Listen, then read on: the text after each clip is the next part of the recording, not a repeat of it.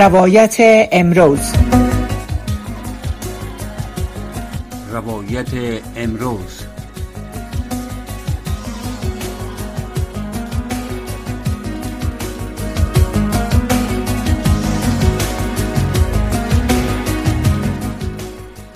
سلام شنوندگان عزیز. بر پروگرام روایت امروز از رادیوی آشنای صدای امریکا شما را خوش آمدید میگه شنوندگان عزیز اداره ملی امتحانات کانکور افغانستان اخیرا فرمای امتحان کانکور به تمام ولایت افغانستان فرستاد.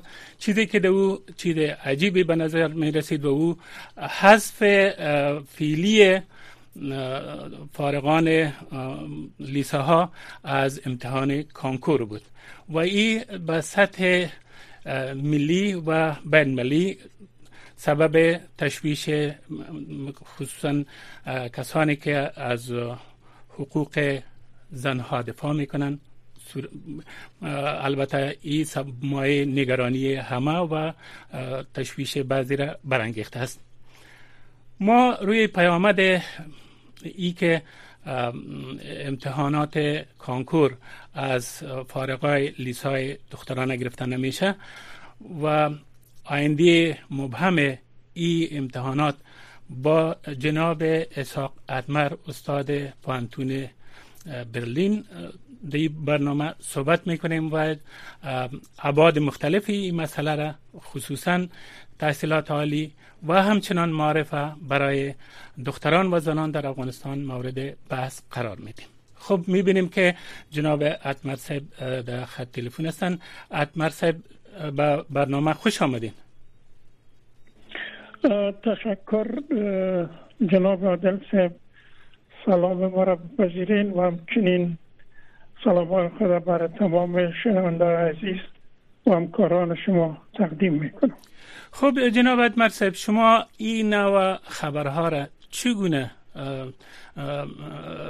ارزیابی می‌کنین آیا یک خبر ناخوشایند برای دختران و همچنان محصلان آینده افغانستان نخواهد بود؟ یقینا من فکر می‌کنم که تاریخ افغانستان این روزا را فراموش نخواهد کرد و بدترین روزایی است که طبقه جوان ما مخصوصا دخترها خانما و مردم افغانستان از این تصامیم نابخردانه طالبا رنج خواهد برد و این رنج البته رنج یک سال و دو سال و سه سال نخواهد بود. این رنج است که نسل های آینده ای را به دوش خواهد گرفتن و در اینجاست که شما عمق فجایع را در افغانستان دیده می‌تونین و می‌فهمین که این فاجعه در افغانستان چقدر عمیق است و چی ضربه محکم و پیکر تعلیم و دانش جوانا و مخصوصا دخترها و قشر که امروز آماده از این بودن که اینا آینده افغانستان آینده کشور خود بسازن اینا دچار چی یک مصیبت بزرگ تاریخی شدن بر صورت امو چیزی که میگه زمستان از بهارش پیدا و نموتر است. آمدن طالبا ایره مردم درک می‌کرد که بالاخره طالبا روز به روز این تذیرات سر مردم تعمیل خواهد کرد و بالاخره این پروسه تعلیم اینا متوقف خواهد ساختن. چنانچه مردم یک تجربه پنج سال گذشته از طالبات دارند. و اونمو چیز دیگه آیسته آیسته به مرور زمان تطبیق شده رفت تا ای که امروز ما می‌بینیم که تمام دخترها از تعلیم محروم ساخته شدن پانتینا برویشان بسته. مکاتب برویشان بسته. اما بعض امو محیط اجتماعی که اینا می‌تونستن اونجا حضور داشته باشن اونم برویشان بسته کردن. خلاصه مولا حیبت در زمینه محدودیت خانما پینجا فرمان تا نوز صادر کرده که ما فکر می‌کنم ای کاش اینا به مسائل دیگه کشورم یک کمک فکر می‌کردن و اقدر فرمان تنها بر محدود ساختن زن اینا وقت زایی کردن و ایره صادر کردن. خوب مرسی بله بله بله.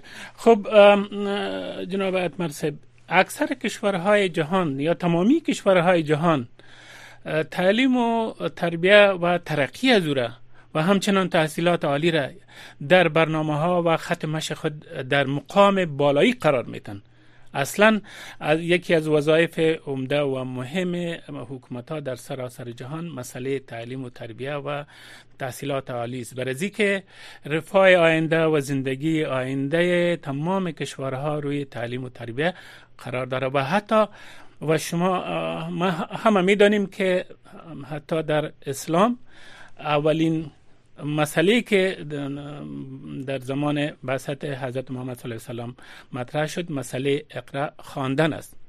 یعنی از ابتدا خود قرآن عظیم شان سراسر خودش یک علم لایتناهی است. خب در صورتی که قدر اهمیت و مقام تعلیم و تربیه بلند باشه شما دلایلی را چی می‌بینین که در مورد موانع فیلی چی دلایلی موجود است که این کار صورت می‌گیره؟ خب یکی برداشت و طرز تلقی خود طالب است که اینطور فکر میشه که یک تعداد از این طالب که امروز همین قدرت منحصر به دست از ایناست اینا از نظر دید خود از نظر و برداشته که خودشان دارن امی تصمیم ها را می‌گیرن. چنانچه ما در تا یک یک سال گذشته دیدیم که بعض مقامات دیگه طالبا با این تصمیم مخالف بودن. و اینا حتی در مجامع عمومی در بین مردم در رسانه ها گفتن که حق باید بر مردم بتین یک بر زنا بتین یک ایمانی شرعی و اسلامیشان است. ولی امو طرز تلقی که خود یک گروه از طالبای که امروز قدرت به دست دارن اونا به این باور نیستن اونا باورشان حتی شما به خاطر دارین که وزیرایشان گپ گفتن که علم اصلی مباه است. و اینا در حقیقت یک دشمنی را با علم آغاز کردن اگر از اینا بپرسین که اگر علم اصلی نمی بود شما در موترشان چرا میگردین و تلفنشان چرا استفاده می‌کنین؟ از تلویزیون چرا استفاده می‌کنین؟ از دستاوردهایی که امروز جهان به قله های ترقی میرسانه چرا از اونا منکر نیستن اینا برای جواب ندارن. به خاطر که برداشت از اینا یک برداشت ذهنی و ذهنی گرایانه است. و چیزی که به اصطلاح در مو چارچوکات زندگی خودشان است. او را می‌خوان سر تمام چل میلیون مردم افغانستان تطبیق بکنن ضمن از که شما به اشاره داشتین که در تمام کشورهای اسلامی ما ببینیم اولی که ما ایرا با جرات گفته می‌تونم که افغانستان یگانه کشور اسلامی نیست که او از شریعت اسلامی در اینجا از دیگر کشورها که بالاتر میشه بلکه تمام کشورهای اسلامی به نحو از آنها از مقررات و آموزه های اسلام و شریعت پیروی می‌کنن و این یعنی ازالی هم نیست. تقریبا امی تاریخ معاصر را که ما می‌خوانیم از 120 سال پیش تعلیم زنان در افغانستان آغاز شده و این سالهای متمادی که مثلا ما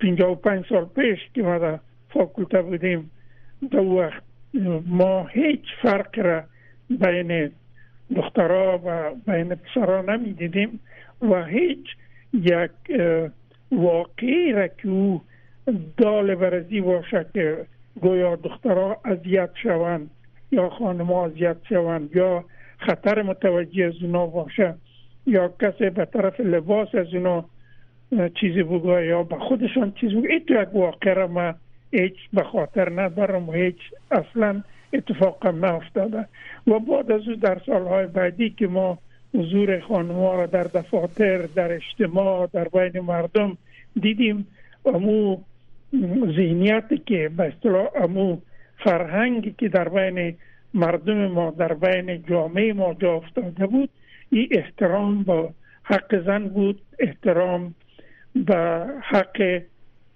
تعلیم زن بود و دادن حق بر کار بر زنها بود و این احترام در طول این سالهایی که حداقل ما به خاطر دارم ای رعایت شده. ای که امروز اینا از زن چی ساختن؟ من نمیفهم که اصلا به نظر من یک چیزی که من از نظر روانشناسی ارز بکنم کسایی که تو تصمیم می‌گیرن او را تحمیل می‌کنن برای چل میلیون اینا در حقیقت خودشان تکلیف روانی دارند خود از اینا مریض جنسی, جنسی خود از اینا تکلیف دارند اینا بهتر از خود تداوی بکنن. تا یکی برسه به یکی حق چل میلیون نفر دیگر اینا غصب بکنن و حق نتن. ما فکر می‌کنیم اینا روانهای مریض است. اینا کسا هستند که خودشان به انواع و اقسام مختلف مرضای روانی دچار هستند و هر چیز از یک زاویه بسیار محدود که او بسیار محدود حتی و خودشان است. چون این مردم در خانه خود به می موضوعات مواجه هستند. اینا فکر می‌کنن که اینمی چل میلیون اینمی ترست چیزی که اینا مشکلی که در فامیل خود دارند مشکلی که کدی دختر خود دارند مشکلی که کدی زن خود دارند مشکلی که کدی خوار و مادر خود دارند. اینا اون مشکل عام ساختن آوردن جلو مردم افغانستان گذاشتن به حیث از اینکه اینا نشان میتن که ما پیروان بسیار خوب اسلام هستیم و ما شریعت اسلامی را تطبیق می‌کنیم. در حالی که بسط ها حدیث و آیت موجود است که در قسمت فرض بودن تعلیم سر مرد و زن که فرض است. این گفته شده. شما در آیت اولین آیت قرآن اقرا به اسم ربک الذی خلق است. و به مراتب این موضوع در قرآن شریف تکرار شده که آیا شما مساوی می‌دانین کسی را که او علم داره دانش داره با کسی که او علم و دانش نداره بیسواد است؟ آیا اینا با هم مساوی هستند؟ که نه. که در قرآنی را میگه که این نیست مساوی. پس که نیست مساوی به خاطر که شما امو دانش بیاموزین برین تعلیم بکنین و به می ترتیب با بسیار می‌بینیم این مسائل که دین حدیث یا شریعت اسلامی ها را توضیح کرده تشریح کرده و این موجود است که حکم می‌کنه ایره که دخترها زنها مردا کلگی تا که با تعلیم نکنیم مثل ازیش که شما کسی را چشمش بسته می‌کنه مثل ازی که شما دانش کسی را می‌گیرن مثل ازی که شما یک حسی از او را از او می‌گیرن از خاطر است که این ما فکر می‌کنم با که مصیبت دار باشه. دیگه آینده که اونطوری که اینا فکر می‌کنن اونطور برای خب. جامعه نخواهد دادن بله اتمر طوری که اونا در ابتدای به قدرت رسیدن طالبا گفتن که همه چیز دوباره به حال خواهد شد تعلیم دختران تحصیلات همه به حال خواهد شد و اطمینان دادن که چیز موقتی است و این دائم دوام نمی‌کنه ولی به فرموده شما که در گذشته چندین سال این موضوع دوام کرد تا 5 6 سال دوام کرد و درک از تحصیل دیده نشد. خب در صورتی که کار دوام کنه آیا آینده افغانستان در این قرن 21 که قرن تکنولوژی قرن پیشرفت و قرن آسودگی و رفاه انسان است تا کدام اندازه می‌تونه از این موضوع متاثر شود؟ اول خب ببینین امی دروغ گفتن از نظر اسلام مردود است. کس که دروغ میگه او منافق است. او از امت محمد نیست. و بارها یعنی دروغ از جمله اونمو گناه های کبیره است. مثل که قتل است مثل که زنا دروغ هم از اون جمله است. و کسی که دروغ میگه ما خود امی خود مشاهد هستم که آقای مجاهد امو مصاحبه اوله که اینا انجام داد. امی گپ که شما گفتین را گفت. و به مو ترتیب ای از زبان تمام امی بزرگای طالبا برآمد که اینا گفت که ما مخالف تعلیم نیستیم. ولی شما می‌بینیم که استاسا و من برتان عرض کردم می‌تونم که ده اینجا متوقفم نمیشه. شما می‌بینید که هر روز یک قدم اینا امی حلقه را تنگتر ساخته میرن کار خانما را گرفتن در معلمی که بود که اینا لاف می‌زدن که اینا ما معلمین در خانهشان ماش میتیم و ماششان هم لغو شد دار معلمینا و به اصطلاح تربیه معلم کاملا نیاز بین بردن این شما فکر کنین در یک جامعه که تربیه معلم از بین بره شما در اونجا چی انتظار دارین؟ دیگه کشورها بزرگترین سرمایه‌گذاری که می‌کنن سر معلم می‌کنن. در یکی از کشورها بود که اونا می‌گفتن که ماش معلمی در چند بلند ببرین و ماش معلم در چند بلند بردن. مثل که ژاپن بود بگوانم به خاطر ازی که خود اساس تعلیم اساس انکشاف است اساس ترقی است. وقتی که یک آدم خوانده نتانه وقتی که آدم یک زبان خارجی را یاد نداشته باشه وقتی که آدم مهارت های تکنیکی و انجینری و طب و اینا رو یاد نداشته باشه او جامعه از کجا ترقی بکنه؟ او جامعه چه قسم پیشرفت می‌کنه ما عرض است که اینا و ای بسنده نمی کنند و شما شاید خواد باشین. اینمی میزی که ما شما صحبت می‌کنیم یاد یادگار خواد بود که باعث یک شاهد که اینا به تعقیب از که کار زنها را در راشگاه مسدود ساختن اینا دیگه فرمان ها هم صادر خواد کردن و بالاخره سرنوشت زنها را خود چی که سرنوشت مردها و جوانها را هم اینا به جز که به فساد بکشانند به جز که به بیراه بکشانند به جز که اینا به امراض مختلف روانی دچار شوند. دیوازش باید اینا یک کار ایجاد می‌کردن بر مردم که فقر از بین می‌رفت اینمی دزدی و جنایت از بین می‌رفت رشوت از بین می‌رفت. اینا کار مردم گرفتن و اقتصاد مردم محدود ساختن تا که مردم به خاطر زنده ماندن خود دست به کارهای غیر قانونی بزنن در جامعه که مردم یک لغمنان داشته باشد او جامعه ما فکر می‌کنم که بسیار به ندرت اتفاق میفته که یک آدم از اشکم سیر خود برای یک جای دوزی بکنه. ولی اگر یک آدم مجبور شد به خاطر نفقه آل عیال خود او می‌تونه برای راه را بگیره کس را بکشه خانه مردم را دوزی بکنن و ازی. به این ترتیب ما می‌بینیم که اونمو اساسات را اینا پای گذاری می‌کنن که آینده افغانستان به خطر مندازه و تحصیلات عالی یک پروسه است. شما ببینید زمانی که شما این پروسه را متوقف می‌سازین بازی سالها و شاید هم ده ها سال و شاید هم صدها سال کار داشته باشه تا که روند دوباره ایا شود. من یک مثال براتان بگم شما به خاطر دارین زمانی که مجاهدین آمد اون اینمی مثل آلی به نام اسلام اینا هر کار کردن این را کشتن خانهش گرفتن و یک پیسدار کشتن خانهش و زور خریدن. چی کارهایی که اینا دم خود کابل کردن؟ افتاد پنج هزار کابلی رو اینا کشتن. بر صورت روزانه که چقدر راکت و بم و توپ سر کابل فایر می‌شد. و چی جنایات را که اینا در کابل انجام دادن خود ختم از زمانی که طالبا آمدن.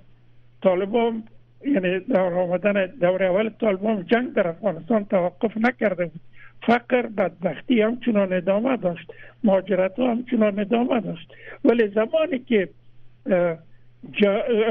نظام جمهوری آمد اینجا ما دیدیم در زمانی که حکومت تغییر خورد در اینجا ما دیدیم ما خودم در کابل بودم. شما باور کنین ما پشت یک انجینیر پشت خانهش می رفتیم و می گفتیم که یک انجینیر البته که امی پروژه های ما شروع شده که یا بیا که ما کار کنه ما نمیافتیم یک انجینیر ما یک متخصص نمیافتیم به خاطر اینکه یک دمی پروسه تعلیمی یک گیپ یا یک خلای ده ساله آمده بود.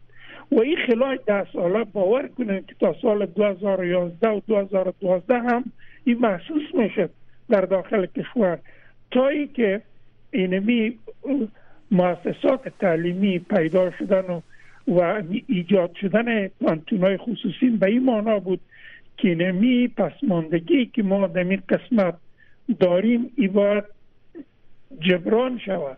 تا ای که بعد از سالهای 2014 و 15 ما امی ظرفیت در داخل خود کشور داشتیم و این ظرفیت به حد بالا رفت وقتی که یک پست ما اعلان می‌کردیم به ها به اصطلاح سیوی به اون پست میامد و ما خوش میبودیم به خاطر اینکه اینا شما ببینید که در داخل کشور اینمی ظرفیت امروز موجود است. این حالی هم که اینمی پروسه توقف پیدا بکنه شما مطمئن باشین کسایی که دمی چینل ها کار می‌کنن اینا میرن پشت روزگار زندگی خود. استاد پوهنتون همی حالی 75 فیصد استادای پوهنتون کارهای خود ایلا کردن. این همی حالی دیروز پریروز وزیر تحصیلات عالی از پاکستانی ها خواست شما به ما را کمک کنید در پوهنتون های ما شما درس بتین ببینید چقدر جای شرم است.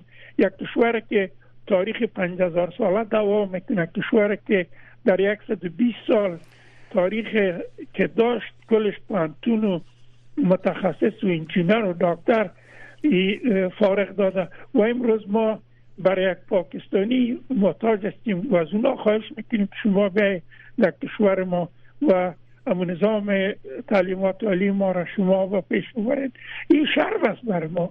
ما باید امو از از امو ظرفیت های خود استفاده بکنیم. درست است که کل مردم افغانستان طالب نیست اما کل مردم افغانستان کافر هم نیست. مردم افغانستان کسایی است که همیشه درس خواندن همیشه تحصیل کردن همیشه کار کردن همیشه مسلک و مختن امو استعداد دارن که اینا در کشور خود کار بکنن. خود از یک نوع تفرق افغانی در بین مردم در بین اقوام در بین جامعه در بین قشر روشن فکر است که تمام عالم خود وزیر تحصیلات عالی کجا را خوانده ای که آیا این نظر و مسلک خود ای آمده اینجا؟ یا دیگه وزیر شک شما ببینید؟ ابی آقای متقی که شما ببینید وزارت خارجه را که ملا را وزارت خارجه چی؟ ملا را به چی؟ و وقتی که نماینده نظامی پاکستان هم ای کدیش گپ می‌زنه وقتی که وزیر معدن شب و ای کدیش گپ می‌زنه وقتی که وزیر خارجه یعنی شما خودتان عمق فاجعه را در این کشور دیده می‌تونید که به کدام سرحد؟ خب اتمر صاحب یک مسئله دیگه حال واقع به می شکل است. آیا نهادا یا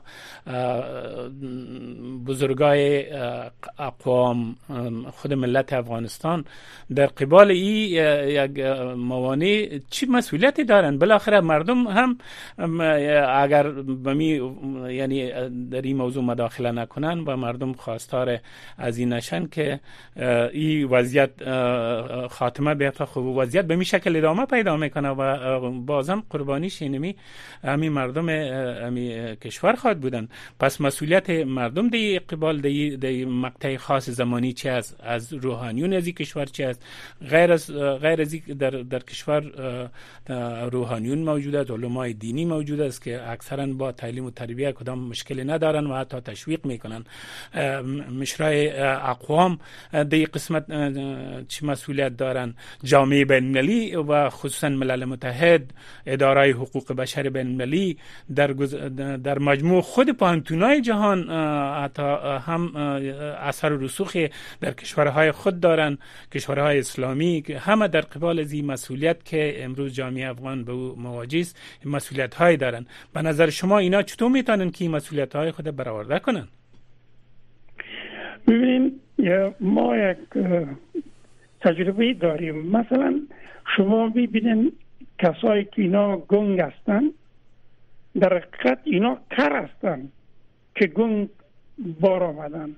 به خاطر که اینا صدا را نشنیدن یا صدا را نمشنون زمانی که صدا را وقتی که نشنوه او هیچ نمی‌تونه به جز که به اشاره گپ بزنه دیگه او نه نویت صدا را می‌فهمه نه مفهوم صدا را می‌فهمه.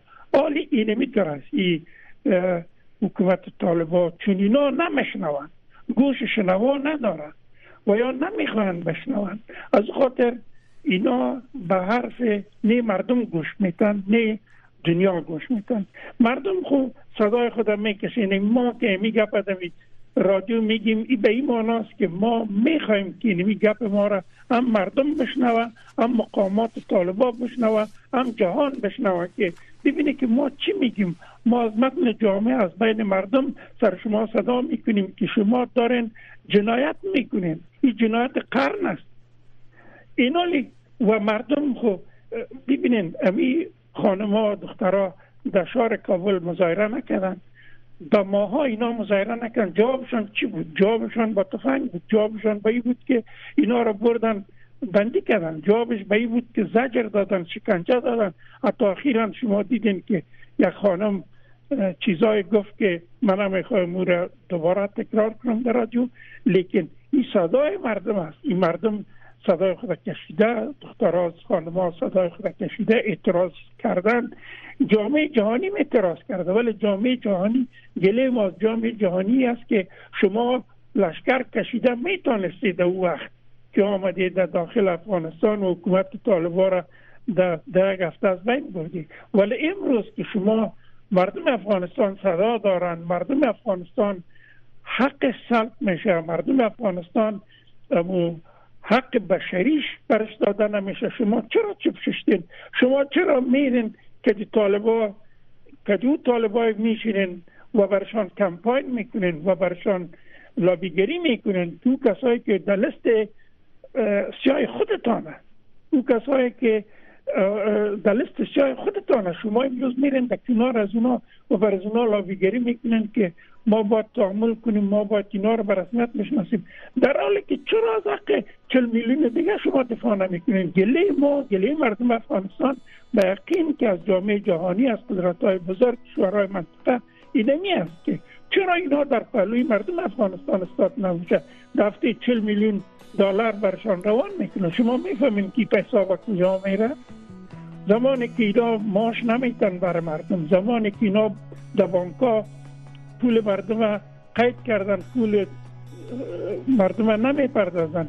شما چرا برای اینا چل میلیون دلار روان می‌کنید؟ چرا یک نهاد دیگه را شما مسئولیت نمیتین که او همین چل میلیون دلار طور مصرف بکنه که برای مردم مستحق برست خب تحت صاحب بله متاسفانه وقت ما به پایان می‌رسه و این ما تا برنامه آینده با شما خداحافظی می‌کنیم. خداوند یار و نگهدار شما و همچنان از جناب اتمر صاحب یک عالم تشکر و از شنوندگان عزیز.